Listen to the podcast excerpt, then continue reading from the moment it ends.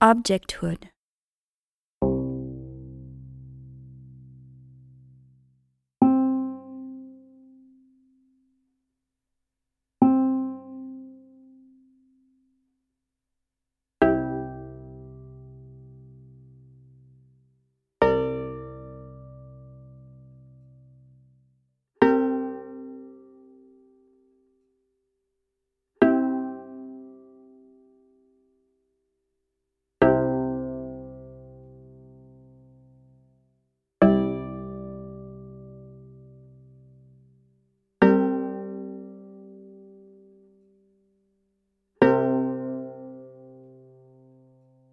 The track you hear in the background is a short composition by Stéphane Mathieu, in which the melody from Max Mathews' famous Daisy Bell, the first computer generated vocal performance in history, has been resynthesized in a drastically slowed down rendition of the song.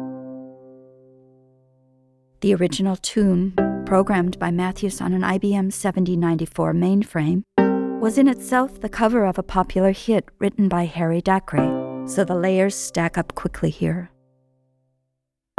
Mathieu's track is a stretched out version of a pioneering computer cover of a love song written in 1892. Not just any love song, mind you, one that ended up making film history, landing a stellar role in a key scene in Stanley Kubrick's 2001 A Space Odyssey, when the evil supercomputer in control of the ship, HAL 9000, tries to sing the tune as he is being disconnected. This little introductory crisscross of historical references is relevant because our sixth episode in the series is all about space. Space as a medium, space as an object, space as more than a container of things, space as a boundary. And to get started on our own space odyssey, we're going to jump from HAL 9000 to a much friendlier computer, the original Nintendo Entertainment System, and talk about something that may at first glance seem to be about time. But trust me, it's also about space. Pretty much anyone can complete Shigeru Miyamoto's 1985 Super Mario Bros., but it's not so easy to do it in under five minutes. Then again, not a lot of people aspire to speedrunner status.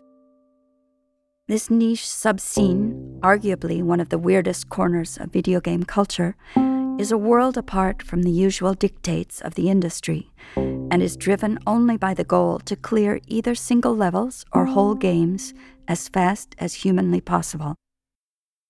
Such an objective requires lots of practice, years of trial and error, and above all, a unique approach to gaming. Speedrunners strategically analyze the inner structures of the game, looking for singularities hidden patterns, and infinitesimal pockets of weirdness in the code that they may be able to exploit to their advantage. Speedrunners are kind of like the particle physicists of gaming. In the case of Super Mario Bros., one of the most popular speedrunning arenas, this means knowing absolutely everything there is to know about time management, acceleration, and collision including all the strange behaviors that even the original team of programmers was probably not aware of. Let me give you an example. One of the hardest shortcuts discovered by speedrunners thus far is the so called wall entry trick, which allows Mario to jump into a solid wall and walk through it, thus avoiding enemies and clearing the level faster. This ranks among the hardest of the advanced techniques because it requires brutally precise positioning beyond single pixel accuracy. So, in order for this to work, players need to account for subpixels. Wait, you may not know what a subpixel is. That's normal. Remember, speedrunners are the particle physicists of gaming as you may have guessed, subpixels are the stuff the pixels are made of. In Super Mario Bros., A pixel is made up of 16 subpixels.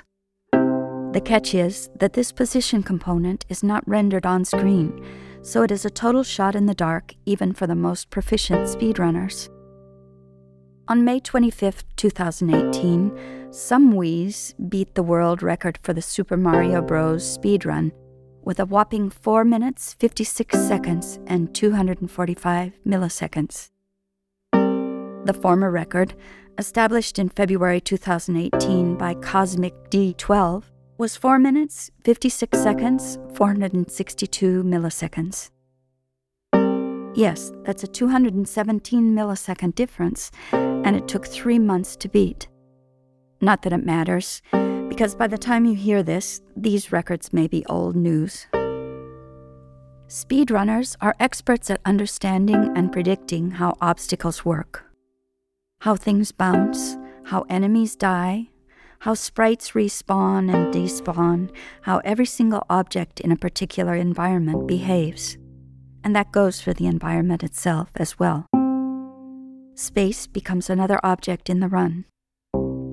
Speed running requires a meticulous understanding of distances, positions, and space. It's not just about dodging piranha plants and flying hammers.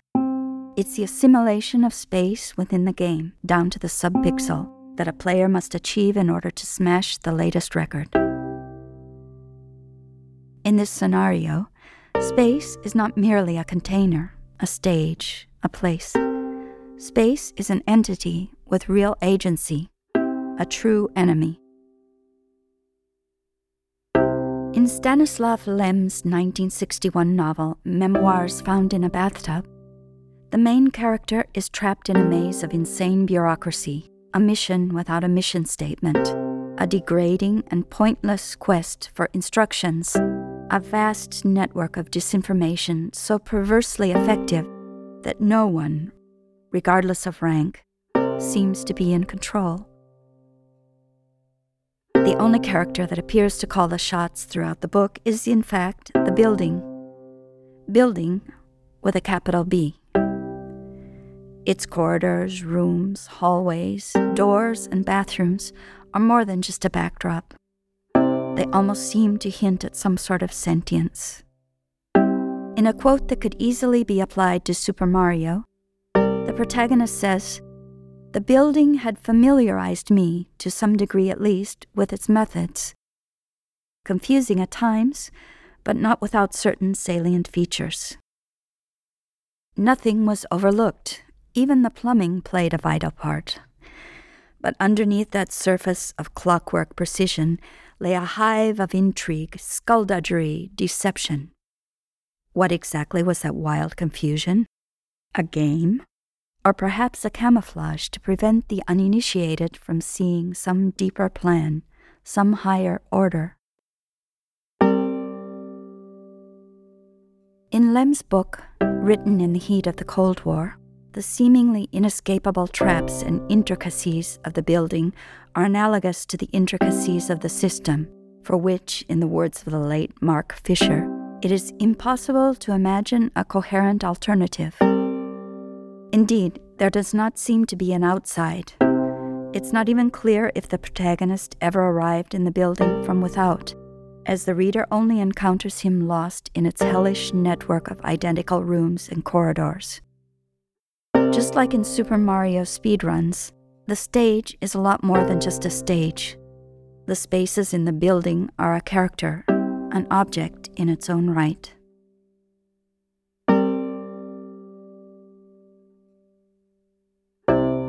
Maze Walkthrough, an experimental video game developed by Serafin Alvarez in 2014, takes the role of space to a whole other level by presenting the user with what he simply calls an empty game.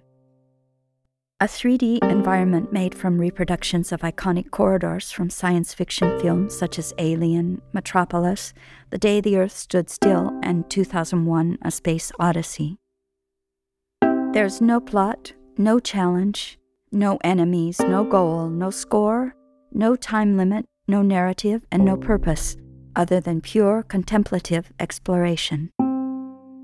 The piece, which is part of a larger research project on the trope of the corridor in science fiction films, goes well beyond the usual constraints of the game format to suggest an experience akin to the situationist notion of psychogeography, which Guy Debord described in 1955 as the study of the precise laws and specific effects of the geographical environment, consciously organized or not, on the emotions and behavior of individuals.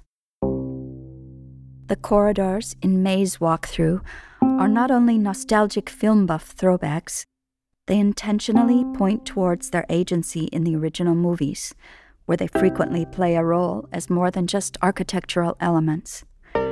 They are examples of what McKenzie Wark, one of our guests on this episode, calls the inhuman an intermediate category between the human and non human worlds, which we often fail to acknowledge.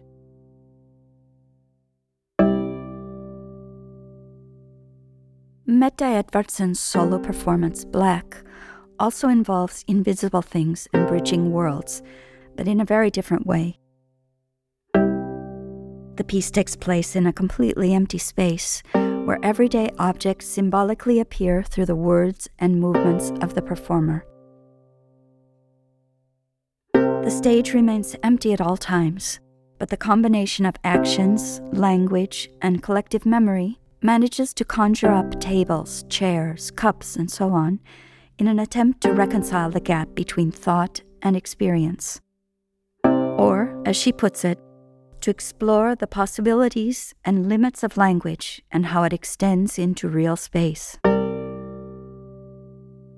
As Edvardsen explains in our interview, her take on space has to do with a certain degree of attention that radically differs from her everyday interaction with her surroundings.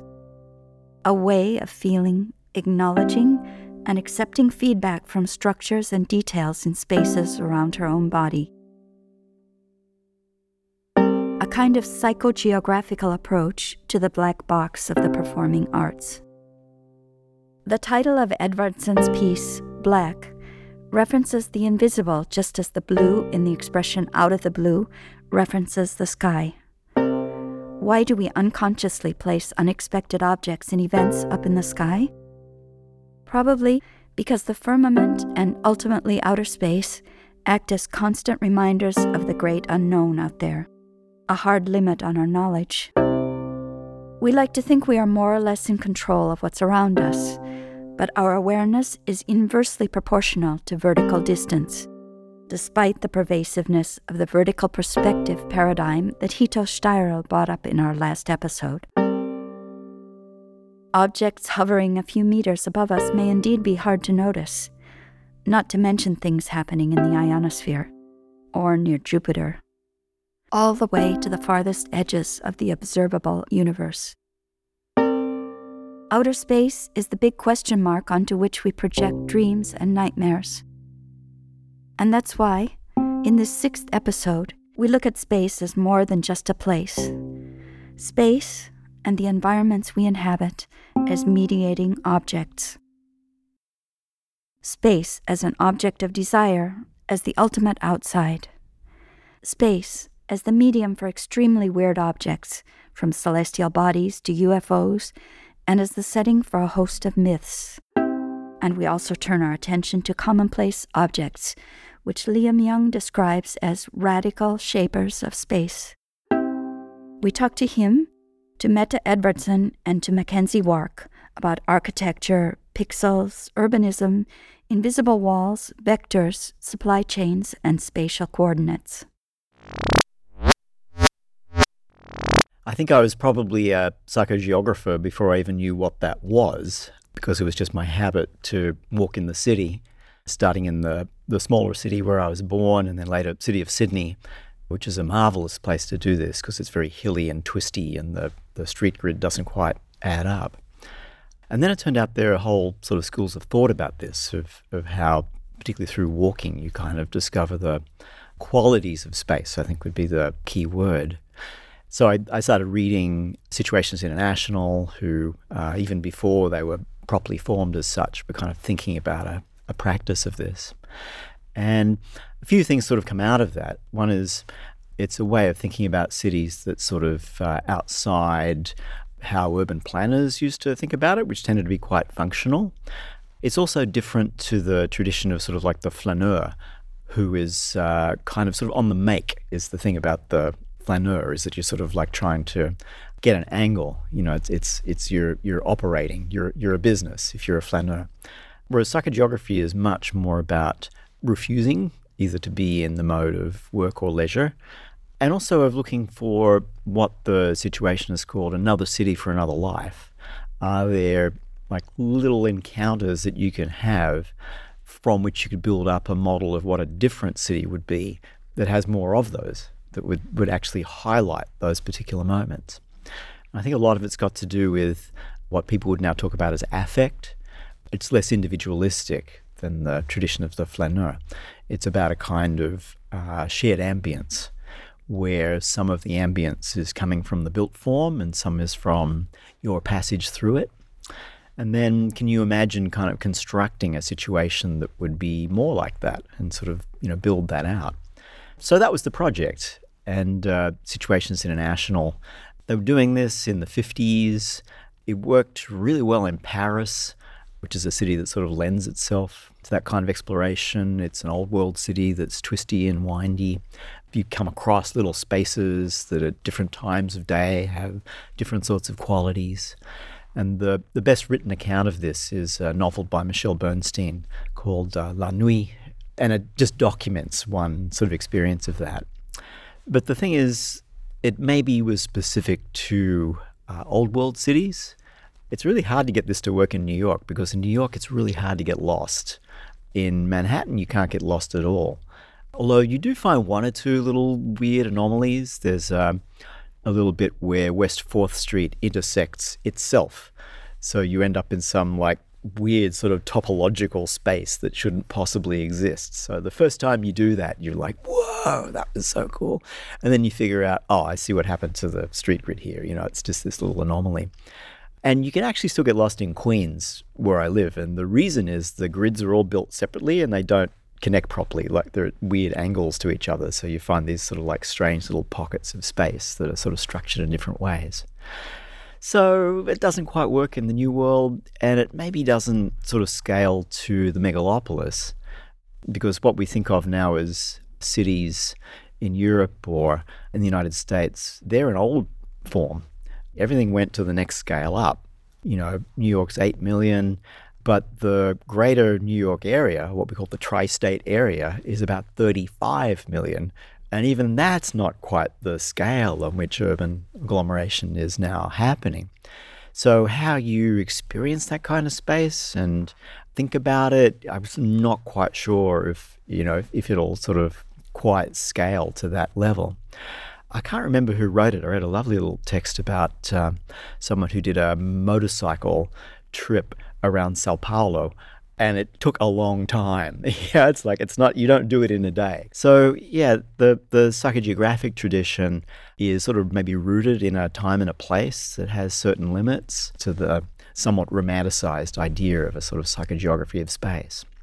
But maybe there's still ways you can think about how can I experience my own movement through space as sort of generating a knowledge, generating a practice how can I get out of certain habits about how I interact with space? You can even make a game of that. You may notice that you always take the same exit from the subway.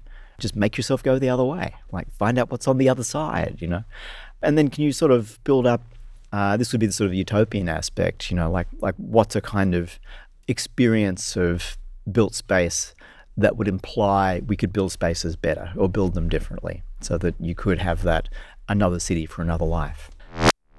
The uh, thing about the situationist practice of uh, psychogeography is the people who really loved it was architects, but the people who could do least with it was architects. It was kind of like this this weird thing where it kind of got embraced, like it was a sort of anti-architectural approach, really. The thing about architecture is it's you know maybe in some sort of crisis, and the those beautiful maps of you know psychogeographic derives through Paris was kind of like the symptom of the crisis that architecture was about to have. My father was an architect, so I like I was, you know, was on building sites my whole life, and he was like a very ordinary provincial architect, but it was very important to him that his buildings not leak. You know, it's like, so dad, what is architecture? And he's like, my main thing, son, is it doesn't leak. Oh, so what you're saying is that it's about envelopes. Your job is to, to build an envelope that'll keep a, a space separate from another space. Yeah. And that's sort of still, you know, an, an underrated virtue of architecture. We now have this era of like the star architect doing these spectacularly sort of beautiful buildings. But as to whether they keep the water out and people can circulate through them, that's a whole other story. And they often don't, you know, sort of address that level of reality. So architecture's response to a certain crisis was to kind of be about images, was to be about style and things like that. And it maybe wasn't a, a good solution. And one name for the crisis that architecture started to have would be network. That it's oh, it's sort of it's inside out. Like architects think they're about building these envelopes, but really power in the world is now all about you know relations. What actually I would call it vector rather than network. About the fact of things being connectable in different ways and different times, and then questions of who has power over what can be connected with what and what can circulate where. We started to think about networks, uh, architecture as a field and as a practice, tried to sort of turn it inside out and to be the sort of the designer of that space in a way. But the that other space is already another discipline. It's things like communication. It's things like logistics. It already belongs to somebody else. And there was a kind of um, if you like, a sort of ideological belief that, you know, sort of enclosure and structure bad, network flexibility good. You know, so we sort of got a little bit carried away with a sense that that was, in some sense, a virtue. And there was also a kind of, in retrospect, really weird association with if we have networks, we'll have democracy. It's like, why did anybody ever think that? Did you not pay attention to the detail of the structure of how networks actually function? And the, the useful term to add there is uh, my friend Alex Galloway talks about protocol. So networks don't always necessarily mean that anything can be connected to anything. That might be a theoretical possibility, but actual networks are all about protocols, which is like you can connect to there, but you, other person, cannot. So you build control into a distributed system rather than control having to be centralized. This was the thing we sort of missed about networks of kind of like, oh, it'll all be democracy and everyone can have everything and connect everywhere and there'll be like flows and wait a minute, what did we not even understand about this, even just in relation to like the human body, right? The whole point of your body is its architecture. It's an envelope. It keeps stuff in and keeps other stuff out. Your uh, immune system is working overtime going through everything in your bloodstream going is is this us or not us right? That's what the immune system does. It's just like experimental. It's like uh, that's not us. Let's get rid of that. Yep that's us. That's okay. And, and obviously it makes mistakes. Yeah I, i'm a hay fever sufferer so it's like my body going no no we got to expel that from the envelope. And it's like it's it's just dust. It's not really doing any harm yeah? So if we'd sort of thought about it we don't want to be too open to the outside. Openness is not always good. You know, we need to sort of think a little bit more about membranes and permeability and barrier. Not always a bad thing. You know, the, the question is more about who and when and how gets to sort of traverse that. So I think one useful sort of qualifier to the network thing is this idea of protocol of who gets to connect what to where, and that's Alex Galloway. I thought about it as vector. In geometry, a vector is just a, a line of fixed length, but it's of no fixed position. So there's one thing that's determined about it. Let's say it's a line that's six centimeters long, but any position whatsoever. And you can think about communication networks as having that sort of quality. Something about it is fixed, but you could actually connect different points. The really crucial question is who gets to do the connecting? And is the connecting one way or two way? That's when you start to get into the interesting questions about actual network design. And then to put a, another thing on the table, rather than think about networks. I have another friend, Benjamin Bratton, who wants to talk about the stack. So let's take a different metaphor out of the world of computation and think not about the you know sort of wonderful network that's all like connecty and so forth and think about stack and in the world of computation stack is like one layer of the stack takes inputs processes it and produces an output that goes to another level of the stack. Like it's a way of designing technical systems. And in this era, that's how we design them. Yeah. There'll be inputs and outputs, but there's a sort of like a closed black box. That's a stack, but it can connect to another one. So maybe what we've built is a kind of planetary geometry almost, a geopolitics that's kind of like stack based, where we interface with the world literally through an interface. And it seems like we can call up the entire resources of the planet just on our cell phone. All we don't see is the layers of the stack in between. Like we don't see all the intermediate processes that make that possible. So you end up with this sort of illusion that, you know, I could go on Google and then go on like eBay or something and like call up any resource in the world. But then you're sort of like not seeing this kind of like global monster of supply chains that's going to make that possible for you. I think one of the great uh, virtues of science fiction is that it has to be more plausible than ordinary literary fiction that assumes there's already a world. I actually find a lot of literary fiction completely implausible because, like, no one explains how the world works. It's just sort of assumed, it's there in the background.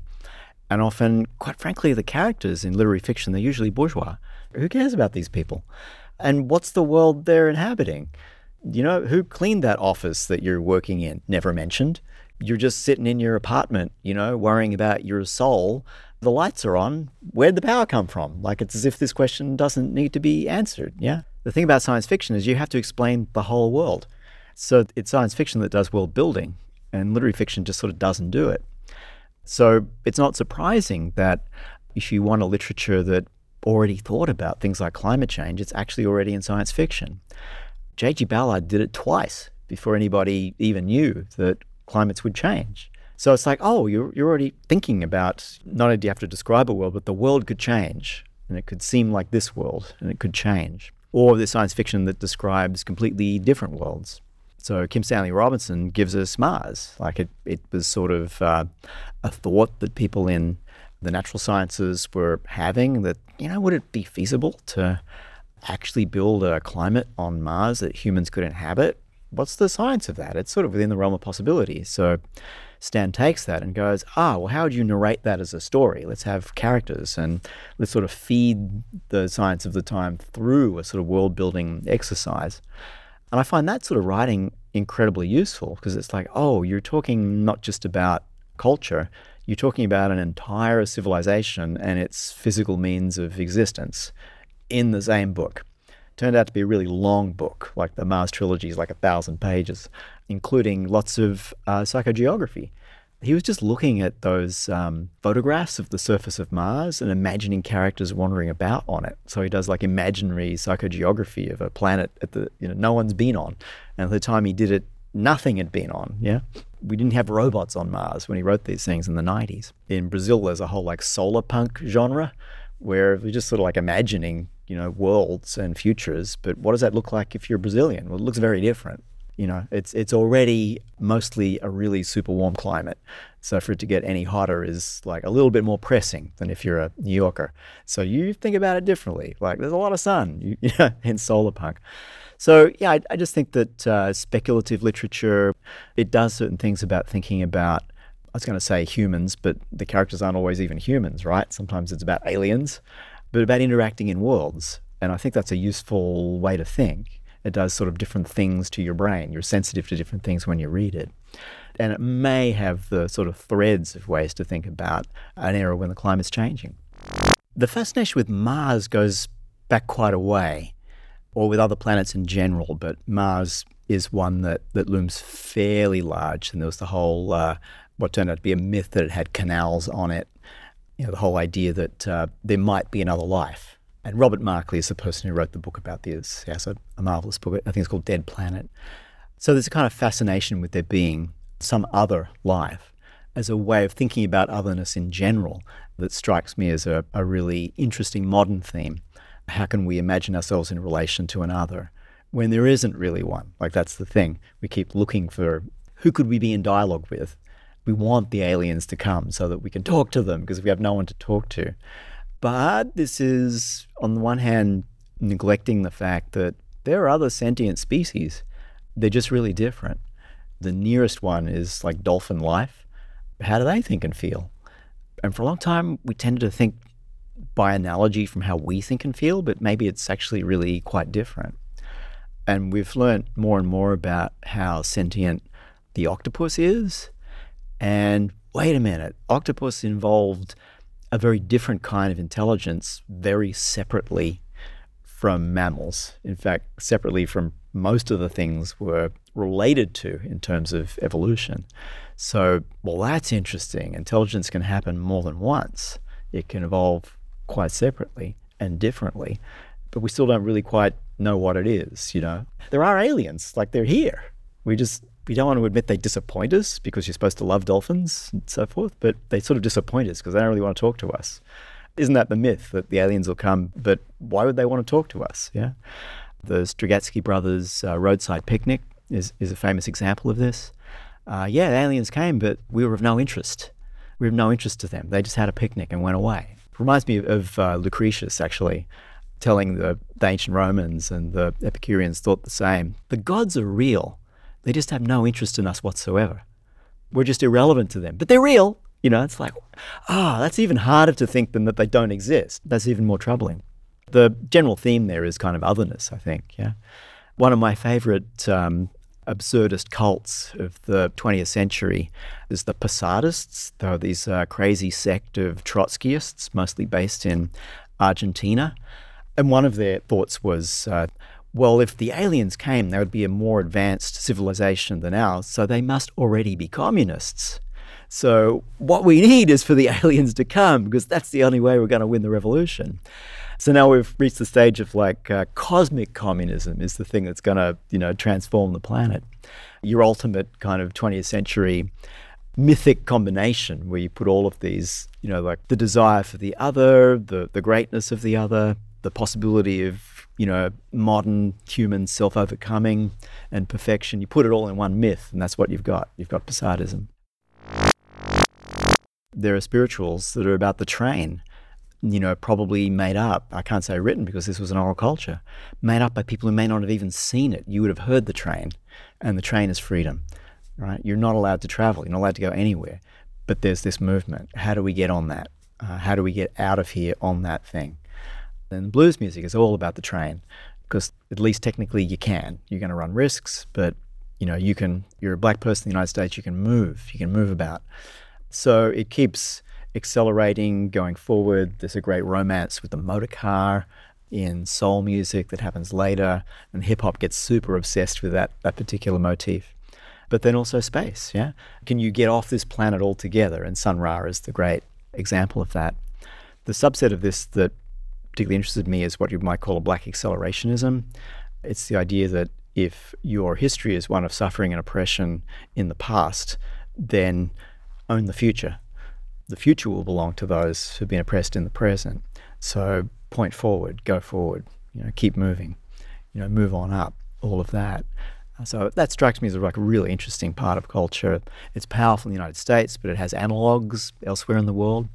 Other people have thought, well, you know, who are Europeans to think that the modern only belongs to them? Wait till they see what we do with it, you know, when we shoot past them.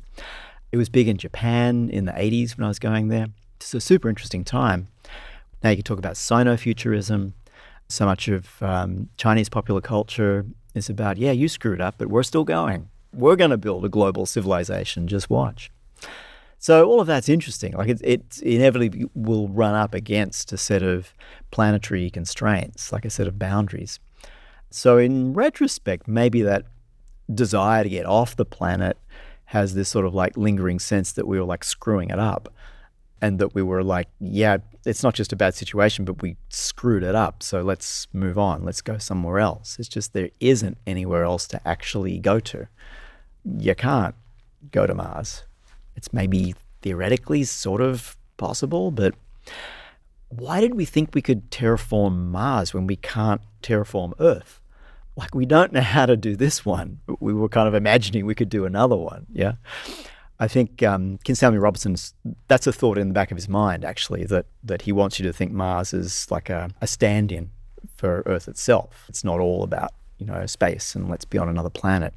If you take a planet as an imaginary object, then the thing is, we don't know how to terraform Earth. We don't know what we're doing. We're actually sort of Venus forming it. We know Venus is a, a runaway greenhouse gas effect, that it got hotter and hotter. We're doing that to this planet. We're not terraforming it, we're Venus forming it. So, yeah, this brings us back to this theme of, you know, science fiction can be useful for thinking about whole worlds. And it's not necessarily a bad thing to have like just that vector of escape. I think people who have felt their actual human situation is too constrained have like wanted to imagine other worlds where that's not the case, where you can escape those limits, where another world is possible.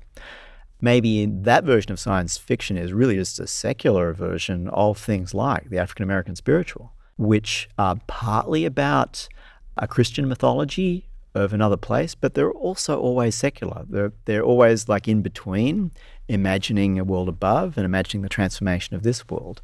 They, they always do both at once. So the African American spiritual is science fiction, or vice versa. Science fiction is sort of doing the same work, people kind of imagining escape. But the thing about escape is like, all right, you, the first part is Exodus, but what do you do when you get there? How do you build something else? That's the part we're kind of stuck with because there is no place to Exodus to.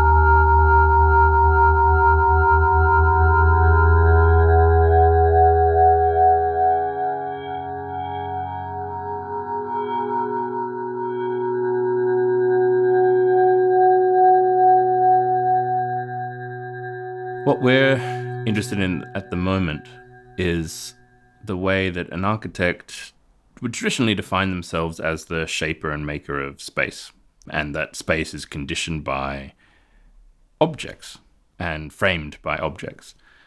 And what we've seen happen recently is that the traditional forms of operating in that way are being totally undermined by technology. So the forces that used to shape space and cities, things like physical walls and boundaries are in the scale of cities, large scale infrastructural systems, road networks, public squares. All of these things are being increasingly marginalized in terms of their capacity to affect change by systems, by technology, by software. So when we think about space or when you think about objects, what we're exploring at the moment is what an actual site for those things might be. And what are we talking about when we're talking about those things? Because now an object doesn't just have a physical footprint, it also has a digital shadow that it casts. Or an object we can now understand as not having a single point on a map that it exists within. It's not just something that exists at one moment in time in space, but it actually constructs these global scale effects that reverberate beyond the specific nature of the material object in itself.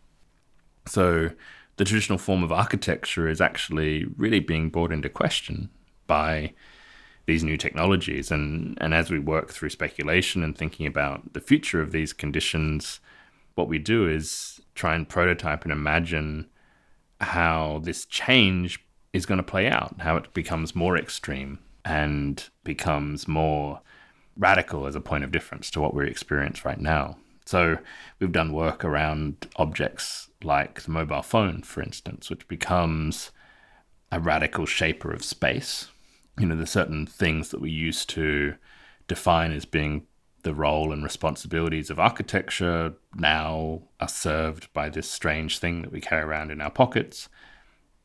And that object is a global object. It cannot be described sufficiently to just talk about it in terms of its mass or its material, its form, its shape, um, how it fits in our pocket.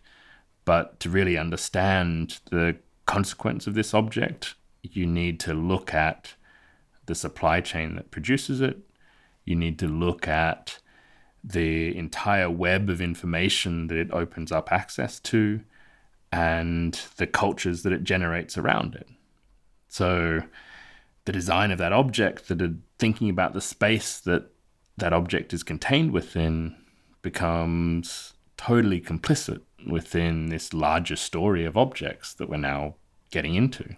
You know, the digital shadow of that object and the material shadow of that object, if we think about it as a, a condensation of large scale global systems. If we look at architecture or the traditional form of architecture as being the, the maker and shaper of buildings as objects, what we need to start to do is think about the way that those objects now exist across multiple kinds of sites, right? Like we, when making a building project, traditionally you you have a site, and that site has adjacencies, buildings that are around it. It has kind of circulation flows that move through it. It has climatic conditions that govern it and structure it in different ways. But now there is no such thing as a single site anymore. Now, to really kind of respond to that context where that building object might sit within, we need to think about the global circumstance that that object finds itself within, the global network of flows and systems that produce that object and that are produced by that object.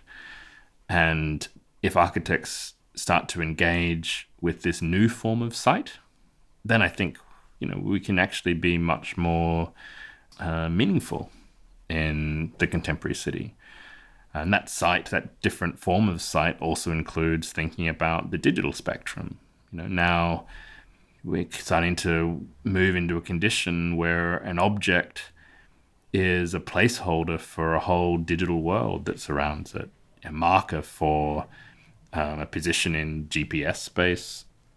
Or as we move into a world of VR and AR, then a physical object actually becomes an anchor point for a whole series of digital operations that might move within it and around it, and thinking about architecture and objects that might have no physical footprint at all, but that solely exist as a GPS coordinate.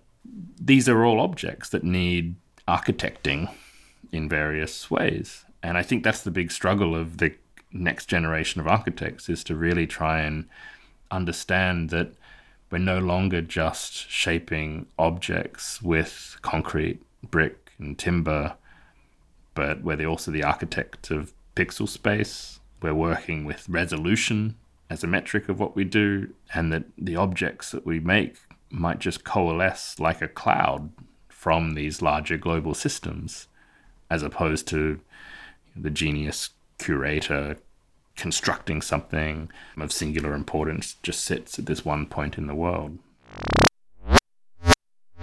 What we're looking at now is a condition where we've totally and without compromise urbanized the entirety of the planet, right? We use words like the Anthropocene But really, what we're talking about is a construction that our culture has now produced, which is a city the size of the Earth. Right? There isn't a point on the planet that is untouched by processes of urbanization. And with Unknown Fields, the, the nomadic research studio that I run with another architect here in London called Kate Davies, we travel all over the world to these very distant landscapes looking at the scale of this notional city, looking for its gaps or its edges, looking for points of wilderness. And we still haven't found any yet. There are certainly empty parts on that map, but even there, they're somehow conditioned by the push and pull of the desires of the city. So we might travel to the most remote territory of Western Australia, and there is a giant hole in the ground. And out of that hole is pulled iron ore, and that iron ore is shipped to Iceland, and then it's smelted in a remote smelting plant in the middle of nowhere, and then it's come back to uh, Australia or it's sent to China where it's made into buildings. So the site map of a new city in China extends to the most remote, inhospitable territory of Australia.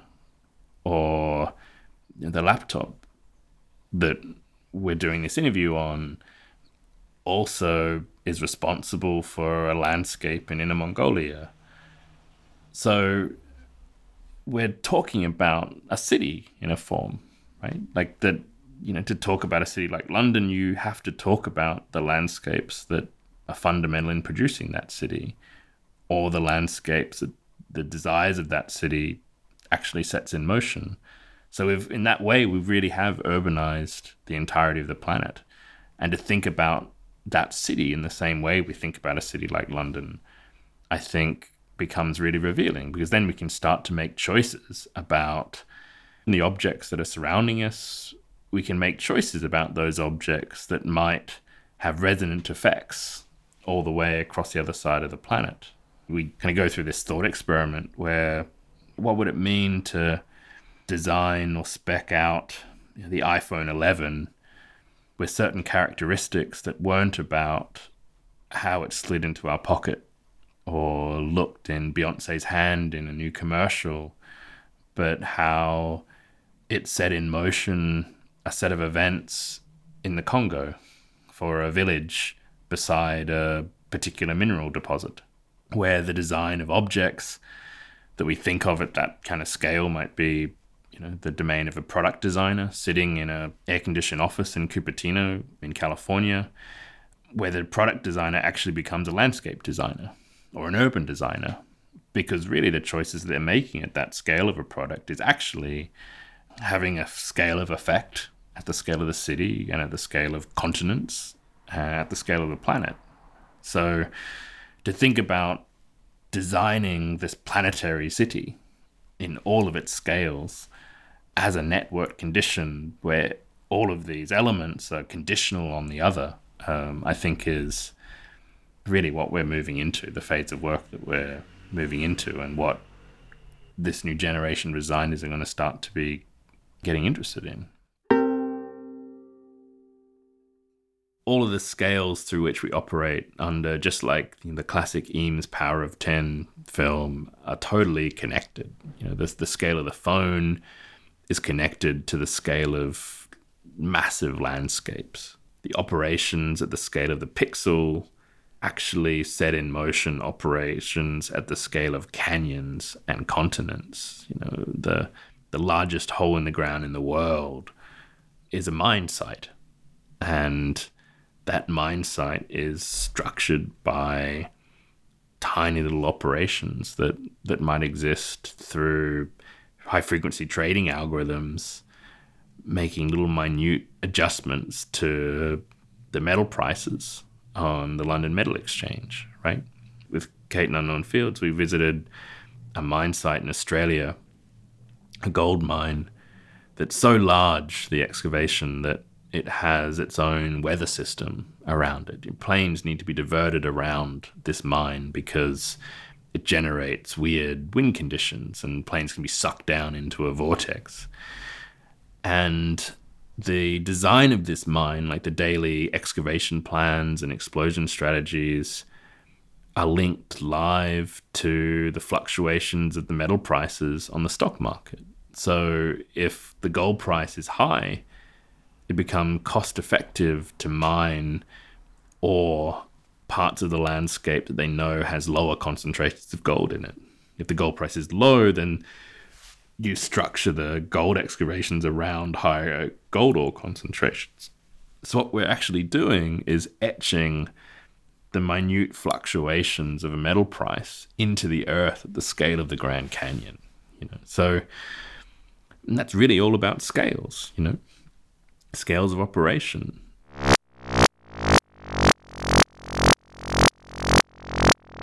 At the moment, we're interested in people like Elon Musk, for instance, that is the creator of an extraordinary set of technologies here on, on Earth, the lithium batteries that, that power the Tesla automobile, um, beginnings of the Hyperloop, and just a recently announced proposal for a system of tunnels through LA and obviously SpaceX.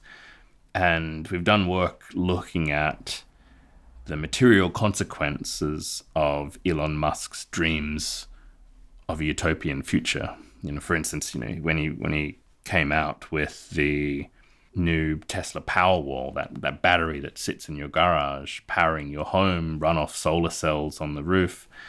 We went to Bolivia, to the world's largest deposit of lithium, lithium being the key ingredient in the batteries that, that are fundamental to the technologies he's using. And, you know, we discovered a context where if this dream of this green utopia is to come true, Elon Musk literally needs to buy Bolivia. And you know that's a really interesting context to put his aspirational visions within you know the reality of what those visions actually means.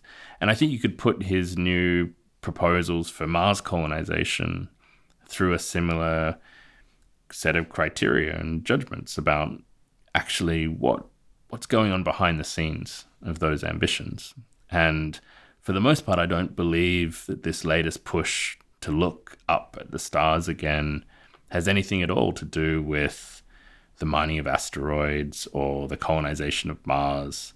I think it's about creating a vision that's going to drive innovation in technologies that exists on the ground here on Earth, right? Like, I think you could talk about Elon Musk's greatest projects as paradigm shifting PowerPoints, not a new car that is going to go from zero to 60 faster than anything else, or um, a production model Tesla that everyone can buy that's going to run on electricity as opposed to fossil fuels, or new colony on Mars. I think what he's doing is putting these visions out to drive the innovation of new battery technologies. So he says we're going to go to Mars and colonize Mars.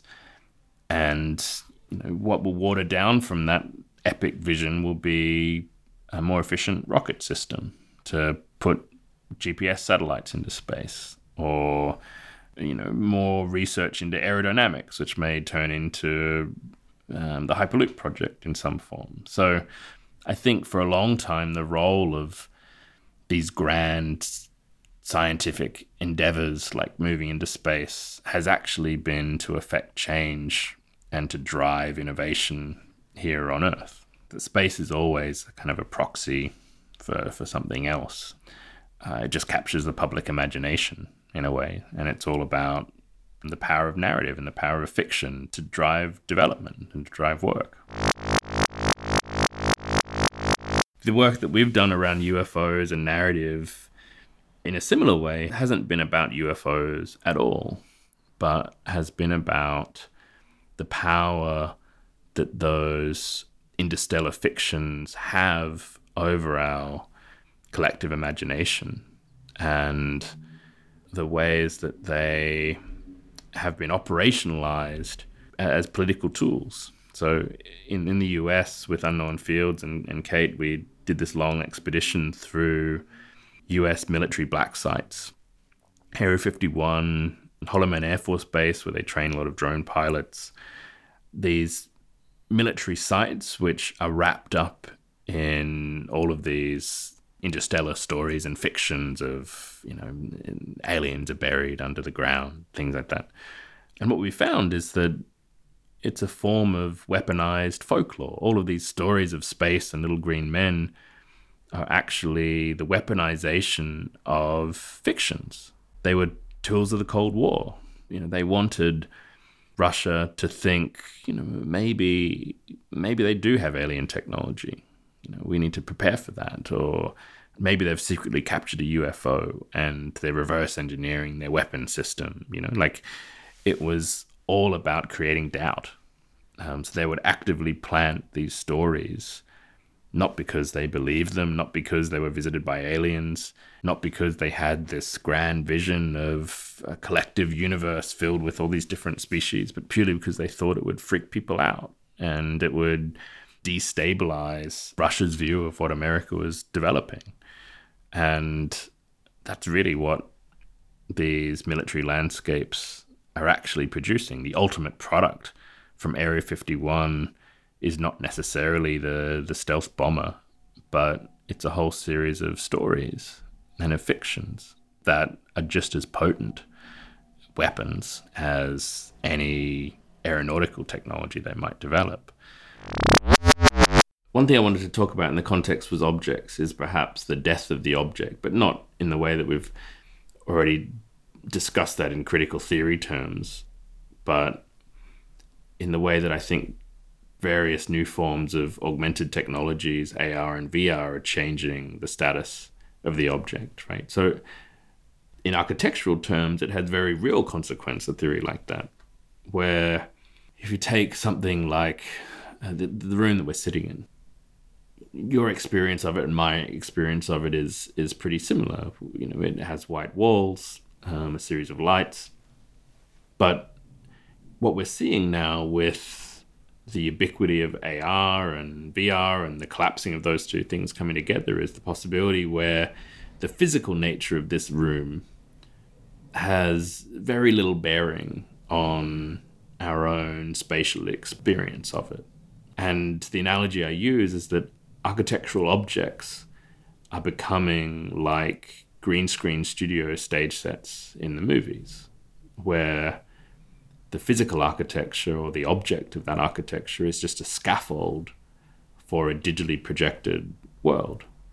Just like the movie set, any given room, blank with the exception of these calibration markers, which are used to locate various digital objects, can in one moment be the scene for an alien invasion and a landing, or the scene for a horrible romantic comedy in a rainy New York street. You know, they're all digitally fabricated projections, right? And you might be sitting there bored of what I'm saying, and the wall behind me is actually the the football game that you're missing out on while we're having this conversation. And you know, I'm totally obsessed by porn, and in order to to get through this chat, you know, I'm, I've got various fetishes and porn films playing out on the walls, and we're both sitting in the same space, occupying the same architectural object, but totally coexisting in different realities, um, where architecture just dissolves into the function of a screen.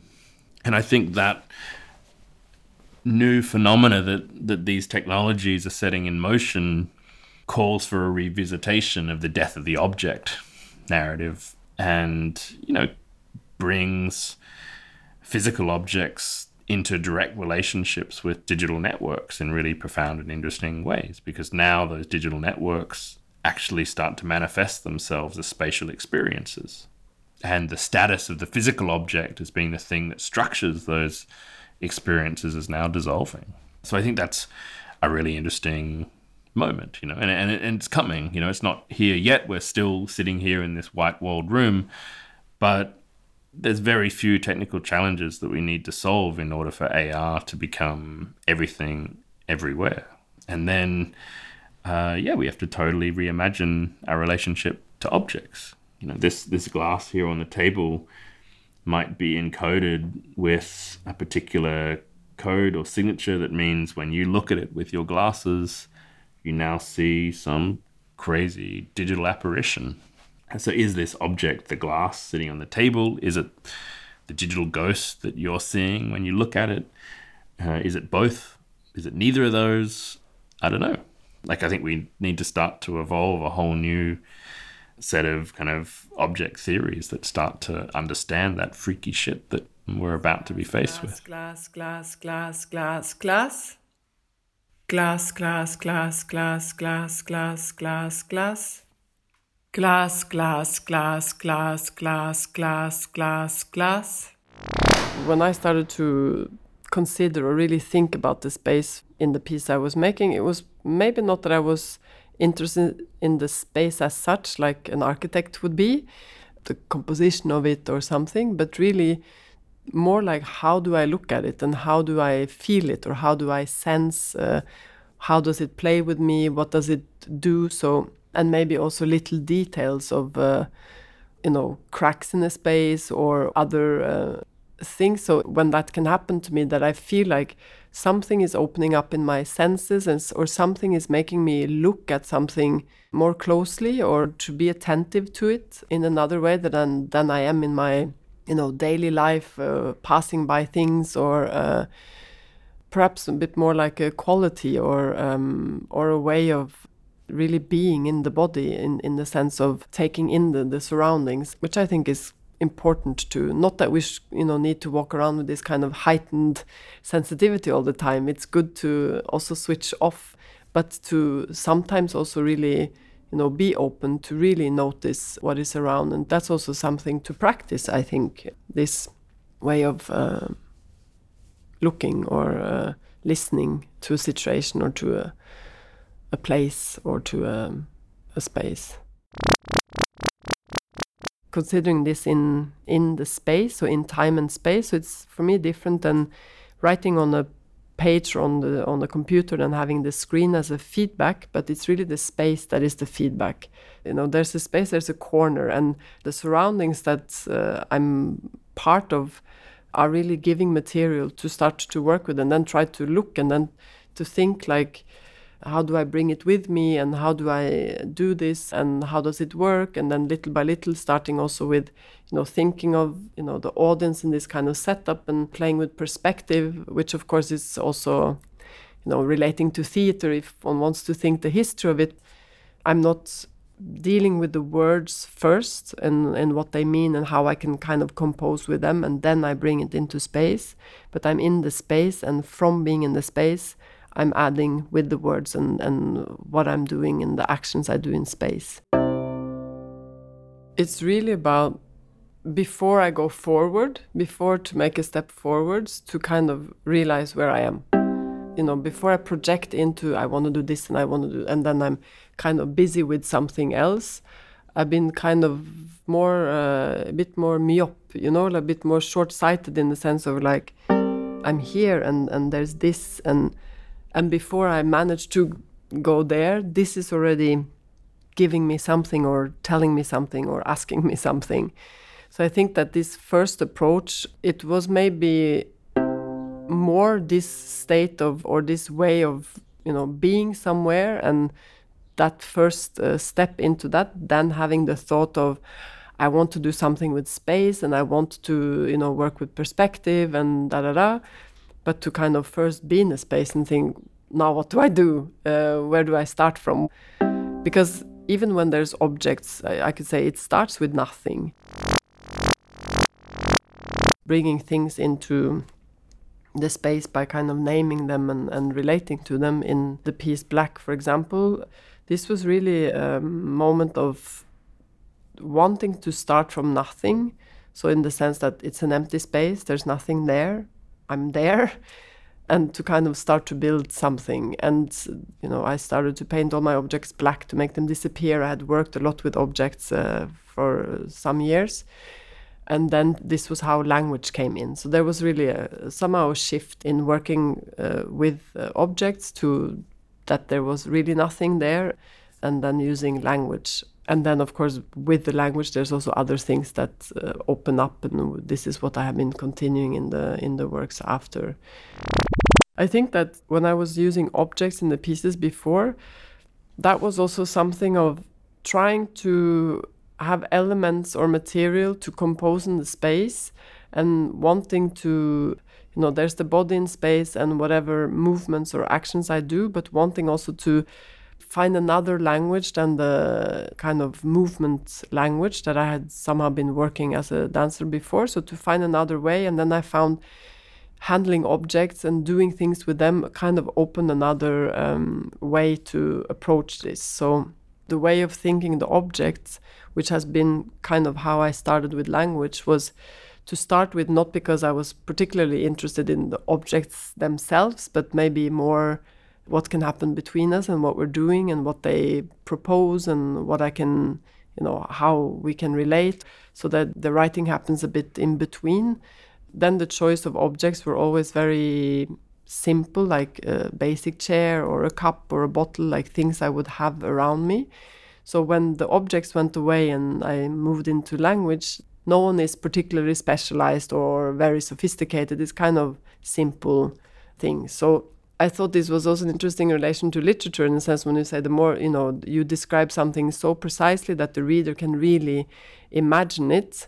But for me, I thought it's more interesting that uh, the cup is suggested, or the table, or the chair, but you fill it in and you imagine. So it's not only you know responding to i want you to see this particular table it looks exactly like this but i want you to see a table and the repetition then came in as a way to you know say table table table table table so that it lasts a bit longer that you have a chance to kind of make it appear then move from objects to actions to uh, associations or you know uh, table rhymes with stable then you you move to the next thing so it was kind of um, very associative how this would be building. That was the beginning, and then there's been uh, how I approach also, you know, working with space, working with the elements in the space, working with the setup of performance, like how all of these logics that come together are also part of the material. It was also I kind of approach language a bit in that way too, in a very concrete way. You know, then it has the capacity to name things and make them appear. I can negate something, take something away. Then I could work with the tenses, past, future, or future too. Time and space, you cannot really separate them completely. Uh, science also doesn't do that. But uh, you know the relation to time and, and the impossibility of the reversal of time, or the relation to the moment in performance. There's later on I kind of formulated more to say like the moment doesn't exist. There's so much uh, kind of fetishizing about the moment in performance, yet we spend a lot of time to prepare it. But even that moment is not really, it doesn't exist as such, at least not as a pure uh, entity. It's informed by many things and it's also always in the future.